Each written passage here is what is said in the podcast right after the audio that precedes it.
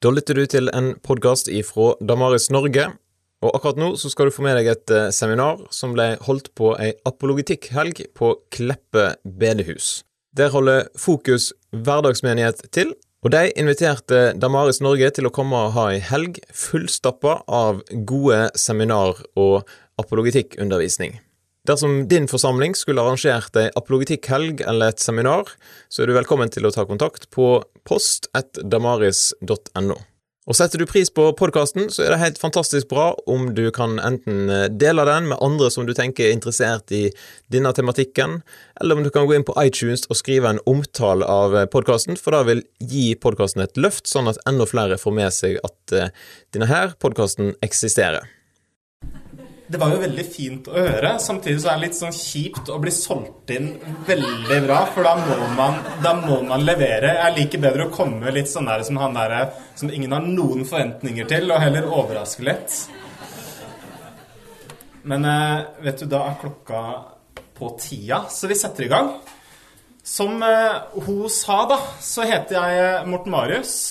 Og jeg er en sånn ydmyk og enkel bondegutt fra Trøgstad i Østfold Eh, jobber i Damaris Norge, kollega til Anne Solfrid, og så studerer jeg teologi i Bergen. Eh, jeg skal snakke om det spørsmålet her, hvordan kan det finnes en god og allmektig Gud når det er så mye ondt i verden? Bare sånn før vi setter i gang, når hun eh, nevner boktips, så kan jeg anbefale den boka her, av C.S. Lewis. Han har skrevet om lidelsens problem. Og den er, den er veldig, veldig god. Så hvis du vil fordype deg mer, så kan jeg anbefale den boka. Men Litt om meg. Jeg er en sånn type som har vært kristen hele livet. Vokst opp i et kristent hjem og alltid hatt et veldig bevisst forhold til troa. Men etter at jeg tippa 20, så ble det viktigere for meg å tenke litt sånn ordentlig gjennom mye som jeg hadde tatt for gitt tidligere. Og det ble viktig for meg å spørre går det egentlig an å se helt dønn ærlig på virkeligheten rundt meg uten å lukke øya for noen av de vanskelige spørsmåla, vanskelige tinga, og fortsatt mene at den kristne trua, den er troverdig. Og det er litt det vi holder på med i dag, da. Det å ta vanskelige spørsmål på alvor, undersøke er det her troverdig. Jeg vet ikke helt åssen utgangspunkt folk kommer hit med, hva slags forhold dere har til eh, kristen tro, eh, alle mann. Men jeg håper dere kan bli med å tenke litt rundt det her, i hvert fall. Åssen kan det finnes en god og allmektig Gud når det er så mye ondt i verden? Det er et spørsmål som man, har, man har tenkt på i eh, årtusener, så jeg kan i hvert fall love deg at vi ikke kommer til bunns i det i dag. Men jeg skal kaste ut noen tanker og refleksjoner. Hva mener vi med det onde? Når man snakker om ondskap, så er det kanskje et begrep som brukes mest i fantasy-sjangeren i dag. Når vi snakker om voldemorter og sauroner eh, og folk som er totalt onde I virkeligheten, i samfunnet, så er det sjelden at man bruker liksom ond om noen, at eh, noen er ondskapsfulle. Da tenker jeg at det betyr at noen er køl, svart, en sånn djevelfigur. Eh, men når jeg bruker det ordet ond i dag, eh, hvordan kan Gud finnes når det er så mye ondt i verden, så handler det litt mer om at når vi ser på virkeligheten, så får jeg en sånn refleksreaksjon av å se på lidelse, død, de vonde tingene. Vi har en sånn refleks som sier at det, der, det burde ikke være. Det er noen ting i virkeligheten som vi gjerne skulle bytta ut fordi det er så forferdelig lidelse, urettferdighet, død, det vonde som vi påfører hverandre, det vonde som bare rammer på naturlig vis gjennom sykdom, naturkatastrofer osv. Hele den pakka der, det er det vi snakker om når vi snakker om det onde i den sammenhengen. Og jeg har lyst til å innlede med å ta dere inn i en scene fra den filmen her. Watchmen. Er det noen som har sett Watchmen? Opp med en hånd. Jeg forventer ikke så mange. Ja, det er noen veldig kule folk eh, her. Mine favoritter i gruppa så langt. Watchmen er en superheltfilm, og litt sånn som mange superheltfilmer som eh, du har sett før. Eh, gruppe superhelter som prøver å redde verden. Eh, og det er en scene i den filmen her hvor Vietnamkrigen er over. Og det her er jo fantasi, så i denne filmversjonen så vant USA Vietnamkrigen. Og så er det en scene på en bar i Vietnam hvor to av karakterene snakker sammen. Og det er sånn superhelter. Han ene heter Comedian. Og han er en ganske hensynsløs og brutal skurk som har vært med og kjempa i Vietnamkrigen. Den andre, det er Dr. Manhattan. Og han er det nærmeste man kommer Gud i Watchmen-universet. For det han kan, det er at han kan styre alle atomer og molekyler akkurat sånn som han vil. Han kan bare se på deg, så eksploderer du. Kjempegod superevne når du skal eh, være med i krig, og det var derfor USA vant Vietnamkrigen osv. i denne filmen Watchmen. Men så kommer det ei dame inn på den baren. Hun er gravid. Og han typen som heter Comedian, han hensynsløse, brutale helten, han er faren. Hun spør om de kan snakke sammen. Men han comedian han bare ler av henne og sier Vet du hva? Jeg er ferdig med deg. Og jeg er ferdig med det landet ditt. Ta Kom deg bort. Og så snur han seg og bare går. Og hun jenta, hun blir rasende. Hun tar en flaske, knuser den, og så smeller hun den opp i trynet på comedian. Han blir kjempesint tilbake trekker en pistol mot henne. Og Dr. Manhattan, han som kan gjøre alt i hele verden, styre alle atomer og molekyler, han står på sida, roper til han 'Nei, legg vekk pistolen'. Men han bryr seg ikke. Han trekker av, og han skyter og dreper henne. Og etterpå så står de to her og prater sammen. Hun var gravid, og du skøyt henne sier Manhattan til komedien. Og så sier han tilbake Stemmer. Og du så på. Du kunne gjort pistolen til damp, kulene til kvikksølv, flaska til snø. Men du lot være. Du bryr deg ikke om mennesker. Og hvis dr. Manhattan kunne gjort det, hva med en god og allmektig Gud? Altså, Vi lever i en verden med krig, død og elendighet, der flodbølger kan ta livet av hundretusener av mennesker, der barn som kunne blitt noens venn, noens foreldre, noens favorittrockestjerne, ikke får muligheten fordi de blir født inn i fattigdom, nød og elendighet, som de verken har valgt eller kan velge bort. Vi lever i en verden der man kan glede seg til å begynne på skolen som seks år gammel gutt, men der folka man gleder seg til å treffe, behandler deg som verdiløst skrap. Og du får sånne vonde ting du bare bærer med deg resten av livet. Vi lever i en verden der man kan få telefoner midt på natta med beskjed om at det verste har skjedd, for ulykker kan ramme hvem som helst, når som helst. Og samtidig med alt det der, så sier kristne at Gud er god. Han vil utslette det onde. Gud er allmektig. Han kan utslette det onde. Han kan gjøre pistolkuler til snøfnugg og flodbølger til damp. Men det onde, det er her. Pistolkuler kan ikke tas tilbake. Flodbølger de venter ikke på at du skal evakuere. Og mange har konkludert med at det her, det går ikke opp. Det er ulogisk. Enten så er ikke Gud god, eller så er han ikke allmektig. Eller så fins han ikke.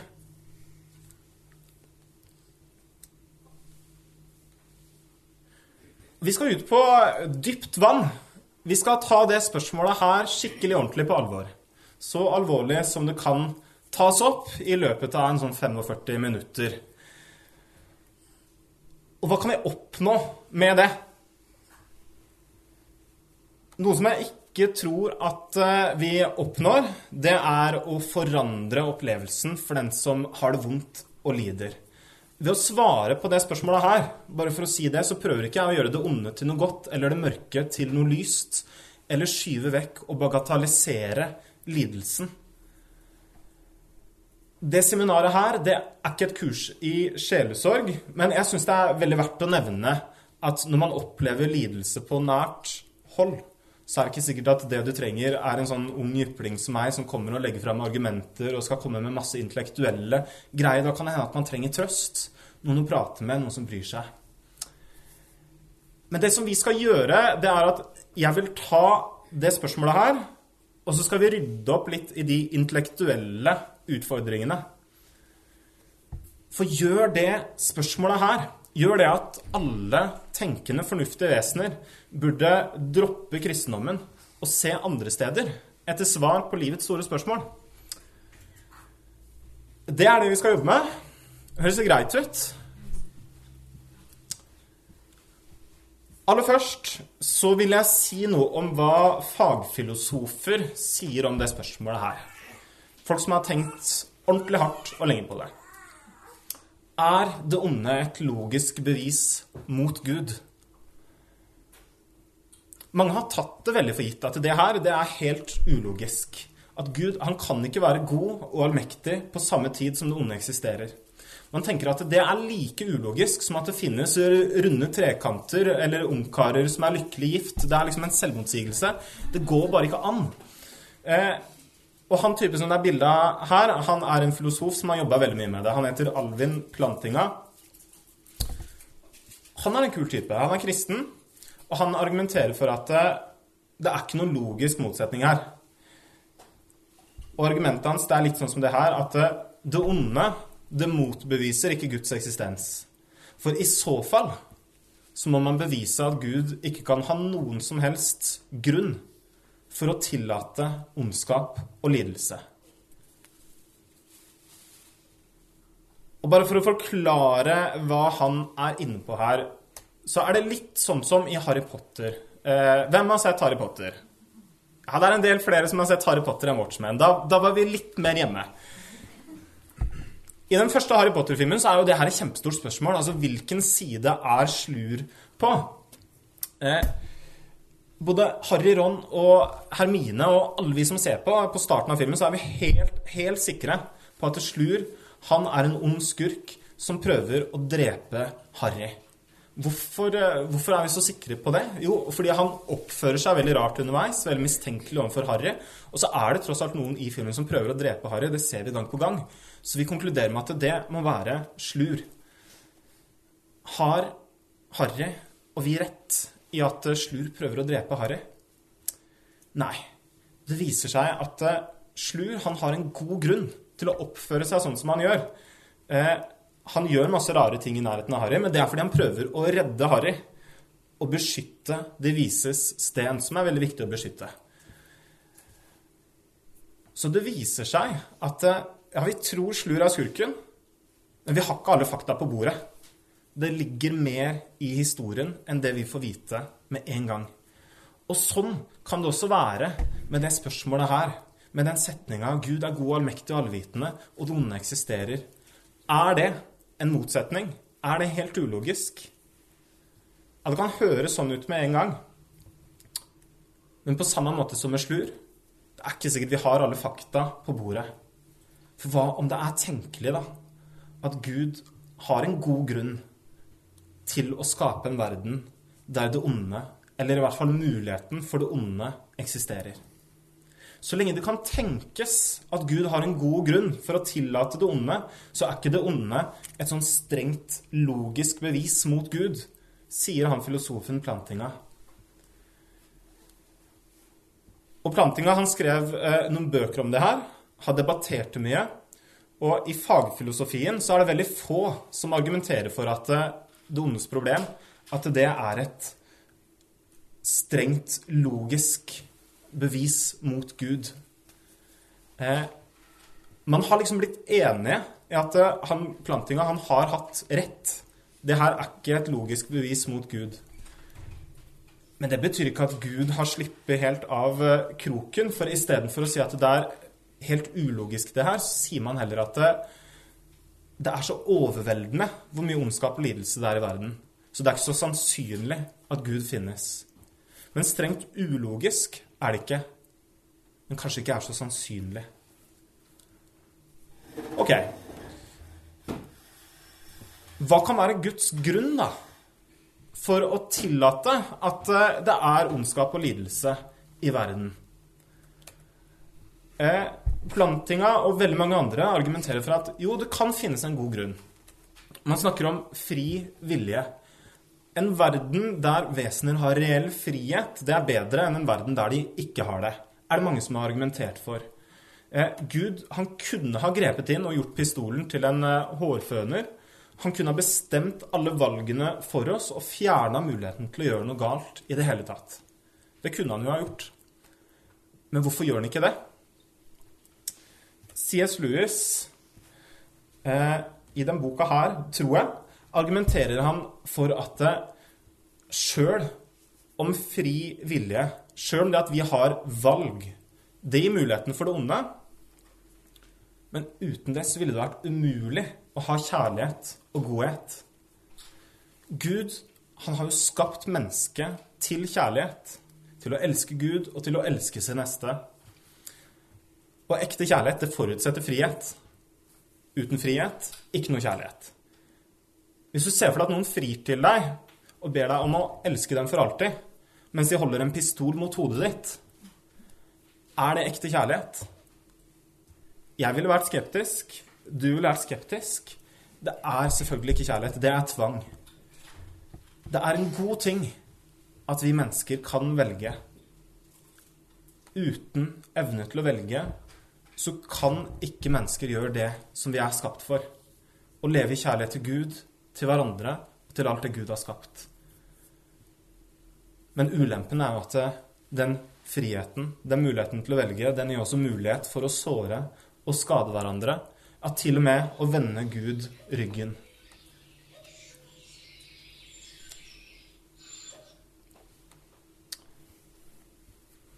Ok. Fri vilje. På en eller annen måte har mennesket mulighet til å velge. Betyr det at Gud han har skapt det onde som en sånn kategori, sånn at mennesket skulle hatt noe å velge mellom? I så fall betyr ikke det at Gud har skapt det onde? Nei, det trenger ikke å bety det. Man kan fint si at Gud han er god, og alt Gud skapte, det er godt.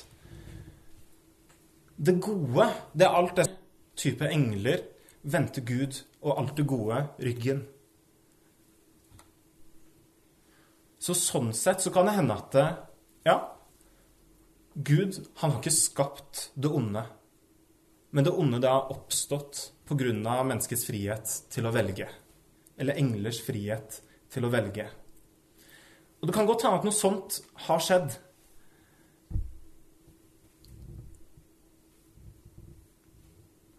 Men det som er vanskelig, det er Åssen var det noen fikk den ideen da, å vende Gud ryggen? Eh, fra hvilket frø var det den tanken vokste fram? For det ønsket, kanskje, om å vende Gud ryggen, det høres ut som en ond tanke. Så åssen kom det fram? Og jeg syns det er vanskelig å forstå. Eh, teologen Augustin han snakker om at Eh, det som skjedde aller først, det var et opprør i himmelen. At englene gjorde opprør mot Gud.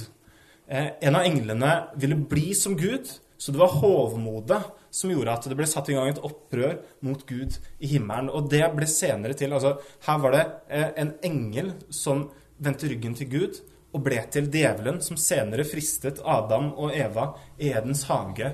Ja, Det kan være en forklaring. Da er det kanskje ikke at det starta med mennesket, det starta et annet sted. Men det er fortsatt vanskelig.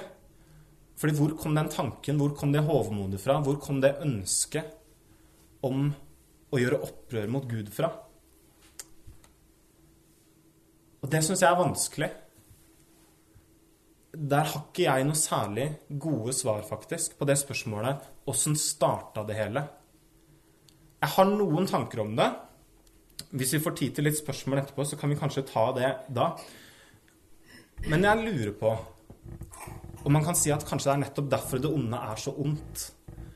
Fordi det er noe sånn veldig uforståelig med det. I en verden hvor alt var godt. Hvor kom den onde tanken fra? Det er helt uforståelig. Men kanskje det er like så godt. Fordi hvis jeg kunne forstått det, da hadde jeg kanskje også kunnet unnskylde det. Da kunne man sagt sånn her at Å ja, så det er grunnen. Ja, men da forstår jeg jo. Da er det jo greit. Men det onde er her. Og det onde, det er ikke greit. Det fins ingen unnskyldning for at det onde er her. Og gjennom hele Bibelen så er det det bildet som blir malt. Det er ikke sånn i Bibelen at uh, det fins massevis av unnskyldninger for, er, uh, for, at det onde er her. Å ja, så det er grunnen. Ja, men da er det ikke så farlig. Gjennom hele Bibelen så blir bildet som blir tegna, det er at det, det onde fins, og det er helt forferdelig at det er her. Det er noe som ødelegger Guds skapverk. Død, undertrykkelse, lidelse, eller elendighet. Ikke på noe punkt blir det sagt at, at det er egentlig godt hvis vi bare ser det i riktig perspektiv. Ikke på noe punkt så blir det sagt at jo, men hvis vi ser i det lange løp, så er det egentlig fint, altså. Det blir ikke sagt, det. Det er forferdelig at det finnes. Og det er faktisk kjempeviktig for meg. For som jeg sa innledningsvis, det er veldig viktig for meg at jeg skal kunne se ærlig på virkeligheten uten å skyve noen ting under teppet og fortsatt kunne si at den kristne trua, den er troverdig. Og hadde jeg lest en bibel som bare tegna et glansbilde av at uh, Gud er god, alt er fint uh, Slapp av, det er ikke noe ondt her. Det hadde vært en fantasiverden. Det hadde bare vært tøys og tull. Det har ingenting med virkeligheten å gjøre. Virkeligheten, det er her hvor det står noe på spill. Det er et alvor, det er noe ordentlig ondt her som er helt forferdelig. Så hadde Bibelen beskrevet en fantasiverden, da hadde jeg syntes det var vanskelig å tro på. Men Bibelen beskriver ikke en fantasiverden. Bibelen tar det onde dypt, dypt på alvor, som en levende realitet som virkelig er her.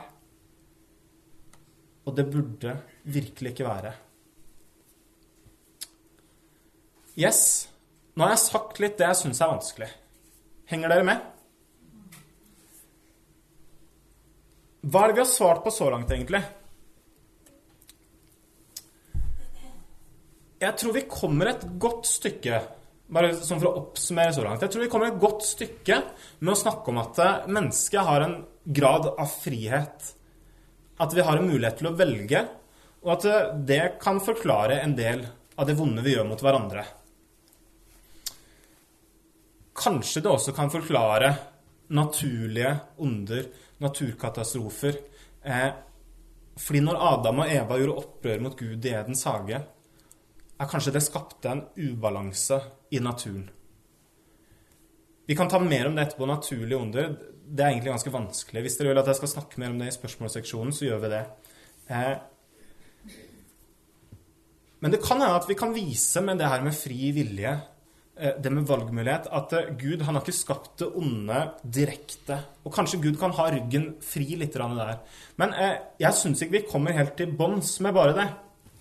Fordi hvis Gud er god, allmektig og allvitende, så må jo han ha visst hva han satte i gang da, når han skapte verden. Han kan liksom ikke ha tenkt at ja, nå skaper jeg mennesker, og det går sikkert fint. Han må ha sett all den elendigheten. Han må ha sett eh, hver enkelt person som kommer til å lide pga. det. Det må han ha visst på forhånd. Og så kan man oppnå gode ting ved å gi mennesker frihet. Man kan oppnå kjærlighet, godhet og omsorg. Men er det verdt det når prisen er så høy? Kan man spørre. Hva er det mange som har spurt opp gjennom historien? Åssen kan en gud som elsker mennesker, være mer opptatt av å beskytte noens frihet til å ødelegge for andre? enn å beskytte et menneskes rett til å leve? Hvorfor skal Gud være så opptatt av å beskytte flodbølgens frihet til å feie over eh, en hel øy? Hvorfor er han mer opptatt av det enn å beskytte de som bor på den øya, f.eks.? Hvis det er sånn. Jeg syns vi kommer et stykke med å snakke om frihet, men jeg syns ikke vi kommer helt til bunns. Vi, vi må si mer enn det. Og det første som jeg vil at vi skal si noe mer om, det er egentlig det bildet her som vi snakka om innledningsvis, av eh, han som sikter pistolen mot to damer, og denne blå mannen, dr. Manhattan, som står og bare roper på sidelinja. Er det her et godt bilde av Bibelens Gud? Jeg tror det er mange som har litt det her bildet av Bibelens Gud at han er en sånn som står på sidelinja og roper, men som egentlig ikke har så mye innflytelse når det kommer til stykket. En litt sånn passiv type som lar ting skje, men ikke kan gjøre så mye med det. Er det et godt bilde av Bibelens Gud? Pastoren John Stott han har sagt det her At i en verden med virkelig lidelse, åssen kan man tilbe en Gud som er immun mot lidelse? Åssen kan man tilbe en som står passivt på sidelinja uten å involvere seg? Uten korset, sier han John Stott, så kunne han aldri ha trodd på Gud. Vi må snakke om korset. For når vi ser det spørsmålet her i lys av korset, så blir det litt annerledes. Da er ikke Bibelens Gud en som er immun mot smerte. Han er ikke en som har sittet på tronen sin i himmelen og bare sett verden på avstand. Men Gud, han ble menneske i Jesus Kristus, og han tok del i verdens lidelse. Tenk det. Gud ble menneske. Han gråt da hans bestevenn døde. Han hadde angst til døden. Han ble torturert og drept på et kors. Hvilken forskjell gjør egentlig det? Forestill deg at en i familien din har blitt innlagt på sykehus og må opereres. Og det står om livet. Og så er det en lege der som sier ja, ja, ja, vi gjør alt vi kan. Og så går han ut og tar dagens tiende røykepause, loffer litt rundt i gangen og flørter med sykepleierne. Tror du på det han sier? Får du tillit til at han gjør alt han kan? Jeg hadde ikke fått det. Men forestill deg at det er en annen lege, en lege som eh, legger seg selv ned på operasjonsbordet og sier 'ta min nyre'. Jeg gir meg selv for at denne personen skal overleve. Man vet fortsatt ikke helt åssen det går, om det lykkes eller ikke. Men jeg hadde i hvert fall vært ganske sikker på at den personen gjør absolutt alt han kan. Fordi han står ikke på sidelinja og er immun mot smerten, men han tar del i det. Han gir noe av seg sjøl. En sånn person kan jeg stole på. Og det er på samme måte med oss og Gud.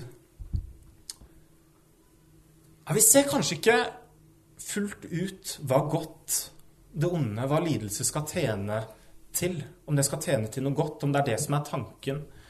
Eh, vi forstår kanskje ikke fullt ut hvorfor det onde er her. Men hvis Jesus har tatt del i verdens lidelse med å gi seg sjøl på korset, ja, da kan jeg i hvert fall ikke si at Gud ikke bryr seg. Da kan jeg i hvert fall ikke si at Gud er sånn som det her en som står passivt på sidelinja og mener masse uten å egentlig ha så mye innflytelse. Det bildet her, det stemmer dårlig med det bildet Bibelen tegner av Gud. En Gud som ble menneske og tok del i verdens lidelse. Ok, kan vi si noe mer enn det? Jeg tror vi må ta Bibelen litt på alvor for det den er. Og når vi leser Bibelen, og hva Bibelen sier om det onde, så får vi ikke så mye forklaring på hvorfor det onde er her. Ja, vi vet litt. Vi vet om opprøret i Edens hage. Det antydes noe om djevelen. Det antydes at mennesket har valgt noe. Men hvor den onde tanken kom fra osv., hvordan det oppsto helt til å begynne med, nei, det står det ikke så mye om. Vi får ikke så mange teoretiske løsninger, men vi får vite veldig mye om hva Gud har gjort, hva han gjør, og hva Gud har tenkt til å gjøre med det onde. Bibelen er ganske praktisk. Vi får en praktisk løsning i Bibelen. Og jeg syns ikke det er så dumt, fordi jeg har vært i den situasjonen her veldig mange ganger. Den første vinteren når jeg hadde lappen, så kjørte jeg i grøfta hele tida. Og jeg skjønner ikke hva som gikk galt under min glattkjøringstime. Jeg kan umulig ha fulgt med, for jeg klarte meg dårlig på glatta. Men jeg har fått mye tid til å tenke gjennom hva trengs når man har kjørt i grøfta. Og jeg lærte fort at det fins to typer hjelpere. Du har den ene hjelperen som kommer bort og skal forklare deg hvorfor det gikk galt. Ja, du vet det er glatt her. Og så har du kanskje noen veldig gode teoretikere som kommer og kan forklare deg alt om eh, bremselengde, eh, eh, eller alt mulig om friksjon. Hva er det som skjer når dekket ditt møter glatta her på veien? Men når du står der i grøfta, i grøfta Jeg er så glad, jeg, for at jeg har en pappa med traktor. Og pappa han har dratt meg opp av grøfta utallige ganger. Og til syvende og sist så er det en sånn praktisk løsning som Bibelen gir på det onde. For det første så viser Bibelen at eh, Jesus ja, han har tatt del i verdens lidelse, men han har gjort mer. Han har seira over døden og over alt det onde. Og Jeg blir helt svett av å lese evangeliene, fordi i evangeliene så ser alt ut til å gå galt. Altså, tenk på hvor rar den fortellinga er. Her kommer Gud sjøl til det han har skapt. Og man skulle tro at han var velkommen der.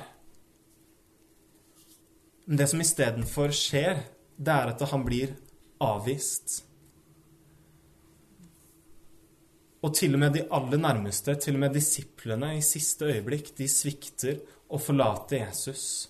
Han går gjennom en urettferdig rettssak og blir hengt på et kors. Hvis målet var å komme ned og overbevise mennesker, så gikk jo det veldig, veldig dårlig.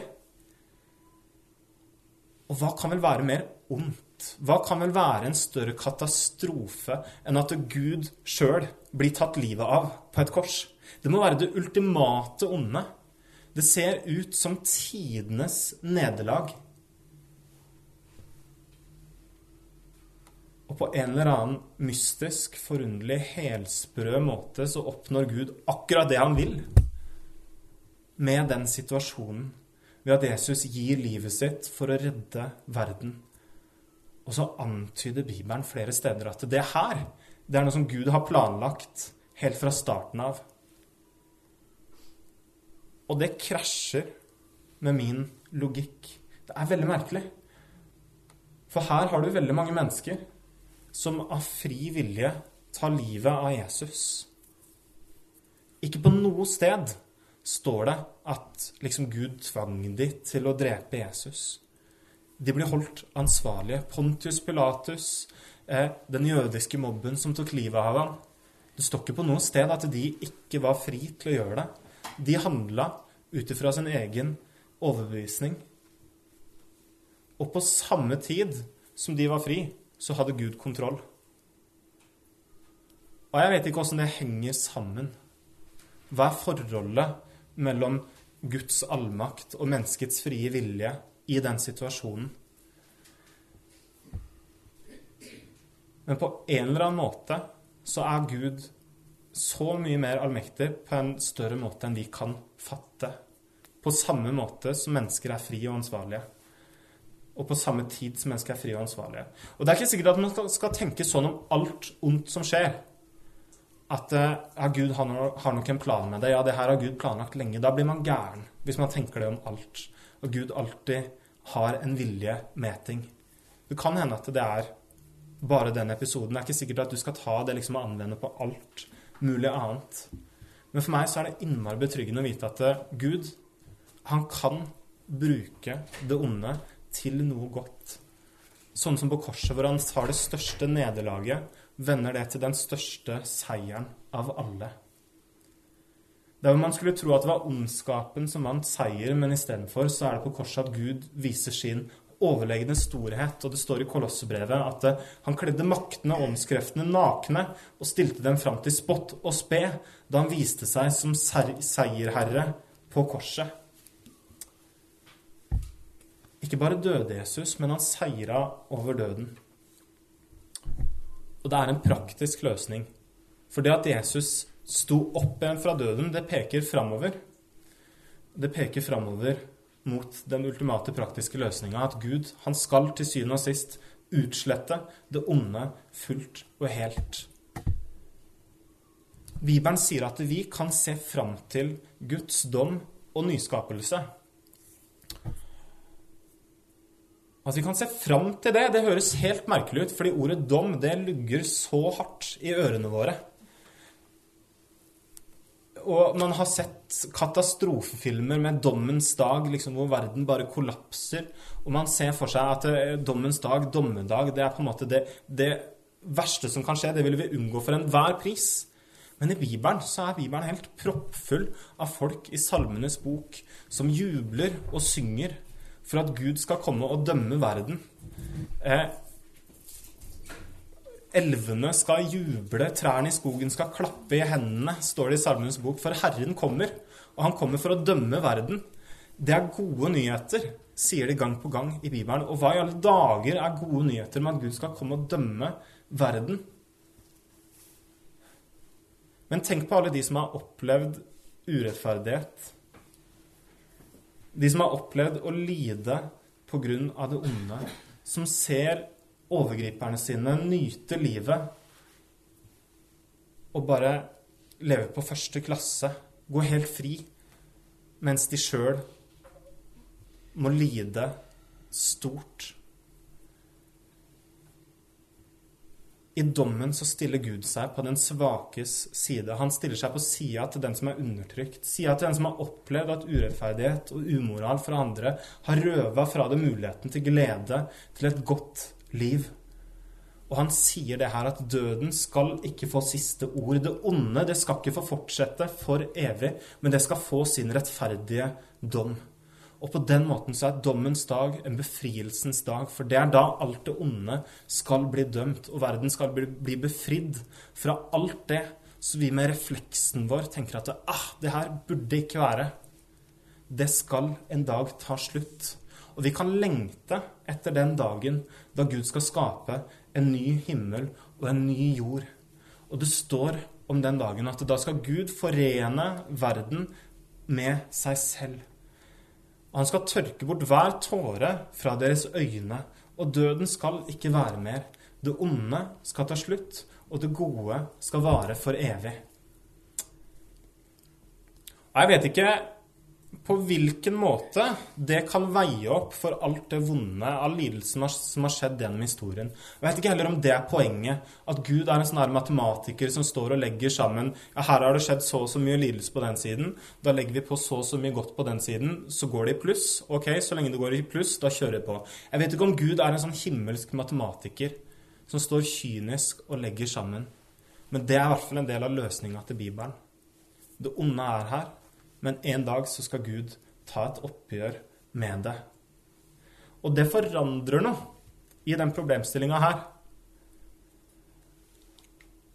Gud er god, han vil utslette det onde. Gud er allmektig, han kan utslette det onde. Det onde er her. Betyr det at Gud ikke finnes? Betyr det at Gud ikke er god? Betyr det at han ikke er allmektig? Nei, vet du hva? Vi kan konkludere med at derfor så skal Gud utrydde det onde en dag. Vi ser fortsatt fram mot den dagen hvor Gud skal utfri verden fra alt det som stjeler mennesker fra glede og et godt liv. Men så går det an å spørre også Hvorfor venter Gud med å fjerne det onde? For greit nok, ok, vi skjønner det. Det onde er her. Bibelen beskriver det. Det er ikke en sånn fantasibok som skyver det under teppet. Det blir tatt på alvor. En dag skal Gud fjerne det. Men hvorfor gjør han ikke det akkurat nå? Hvorfor er det her fremdeles? Hvorfor har ikke Gud tatt det bort enda? Og Jeg kan ikke gi et sånn svar med to streker eh, under på det spørsmålet her, men jeg kan peke litt på noe som Bibelen antyder. Jeg vet ikke om du har sett eh, denne filmen. Det er en film jeg liker veldig godt. Eh, Frost. Og Frost Den handler om et kongerike som pleide å ha sol, sommer, blomster og planter, og så kommer isen og snøen inn og bare dekker kongeriket. Og riket får en vinter som aldri tar slutt. Men det verste, det er at den isen som er der ute i verden, den kommer også inn på innsiden av Anna. Anna, hovedpersonen i Frost, hun får is i hjertet sitt. Og hvis ikke noen kan tine hjertet hennes, så vil hun fryse til is, sier de.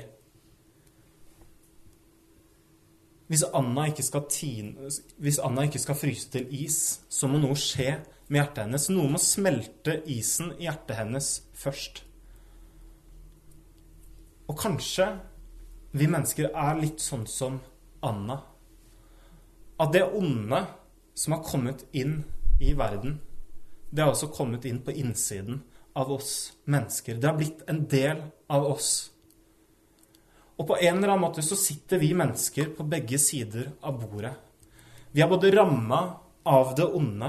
Verden er full av ofre som har opplevd lidelse og urettferdighet, og hvordan det har røva fra dem det gode. Men så er vi også ansvarlig for det vi sjøl gjør mot andre. Den isen som dekker verden, den har kanskje også kommet inn på innsida av oss. Og det høres så fantastisk ut, da, med at Gud han skal skape en ny himmel og en ny jord hvor alt er bare kjærlighet. Hvor det er full godhet. Ingenting ondt finnes. Hvordan er en sånn verden? Der hvor alt bare er godt. Og passer jeg egentlig inn i en sånn verden, sånn som jeg er nå? Altså, Jeg er en fyr som fint er i stand til å såre og skade andre mennesker. Og Hvis jeg skulle komme inn i en sånn verden hvor alt bare er godt Jeg hadde gitt noen en slapp i trynet med en gang. Noe må skje med meg først hvis jeg skal passe inn i en sånn verden der hvor alt bare er godt. Fordi jeg er ikke bare god. Og hvis jeg skal leve på en sånn plass hvor alt bare er godt, så må jeg stille det samme spørsmålet som Anna stiller i den filmen. Hva kan Tine et frossent hjerte.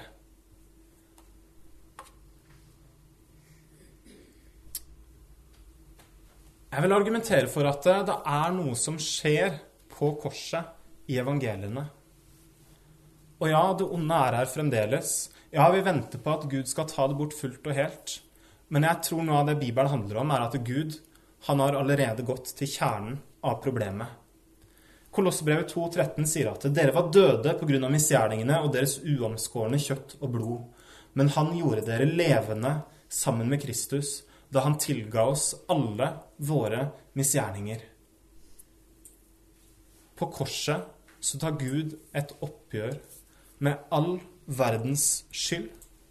Han blir reist opp igjen fra døden, sånn at vi kan bli nye.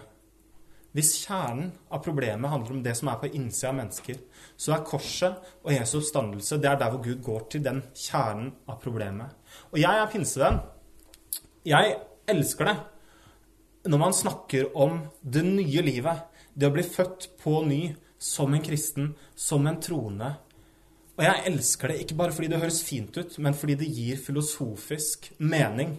At Guds redningsaksjon, den starter der i hjertene våre, og at de kan bli nye på innsida, delvis i det livet her, men fullt og helt når Jesus kommer tilbake.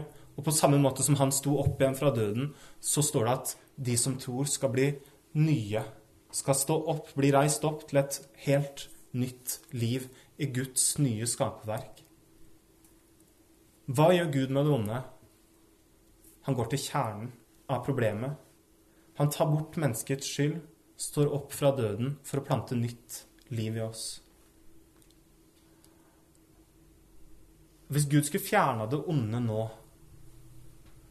ja, da måtte han kanskje fjerna ganske mange av oss. Men istedenfor å sette strek med en gang, så virker det som om Gud, han vil kalle mennesker til seg, så vi kan bli nye Herren er ikke sen med å oppfylle sitt løfte, som noen mener. Nei, han er tålmodig med dere, for han vil ikke at noen skal gå fortapt, men at alle skal nå fram til omvendelse, står det i 2. Peters brev 3,9. Ok, jeg går inn for landing, Men for å oppsummere litt Går det an å se ærlig på verden med all verdens lidelse og fortsatt mene at den kristne trua er troverdig. Det er ufattelig mye ondskap og lidelse i verden, og jeg har ikke lyst til å skyve det under teppet. Jeg vil ikke gjøre det til en liten bagatell. Men jeg tror at med fornuften i behold så kan vi i hvert fall si at det onde ikke er et logisk bevis mot kristendommen. Og vi har noen sånne tunge filosofer i ryggen på det. For Gud kan ha en god grunn til å lage en verden hvor det onde eksisterer. Uten det hadde ikke kjærlighet f.eks. vært mulig. Jeg tror ikke vi kommer helt til bunns i hva som er Guds motiv for å lage en sånn verden hvor det onde finnes som en mulighet. Uten at vi spekulerer i masse greier som vi ikke har forutsetning for å vite noen ting om. Men det jeg tror Bibelen sier mye om, det er hva Gud gjør, hva han kommer til å gjøre, hva han har gjort. At han går til kjernen av problemet. Og det er veldig ofte at man snakker om det spørsmålet her som om korset aldri har skjedd. Hvis jeg skal se ærlig på virkeligheten, så må jeg også ta med korset som en realitet. Der Gud blir menneske, tar del i verdens lidelse og vinner seier over døden. Som er i tråd med Gud og hans vesen. Men det onde man kan tenke seg, det har oppstått på et punkt fordi Gud skapte mennesker eller vesener med frihet til å velge bort det gode. Og Da kan det hende at det ikke fantes noe ondt som Gud har skapt, som om det var der liksom fra før. Men det har oppstått i det øyeblikket menneskene eller andre vesener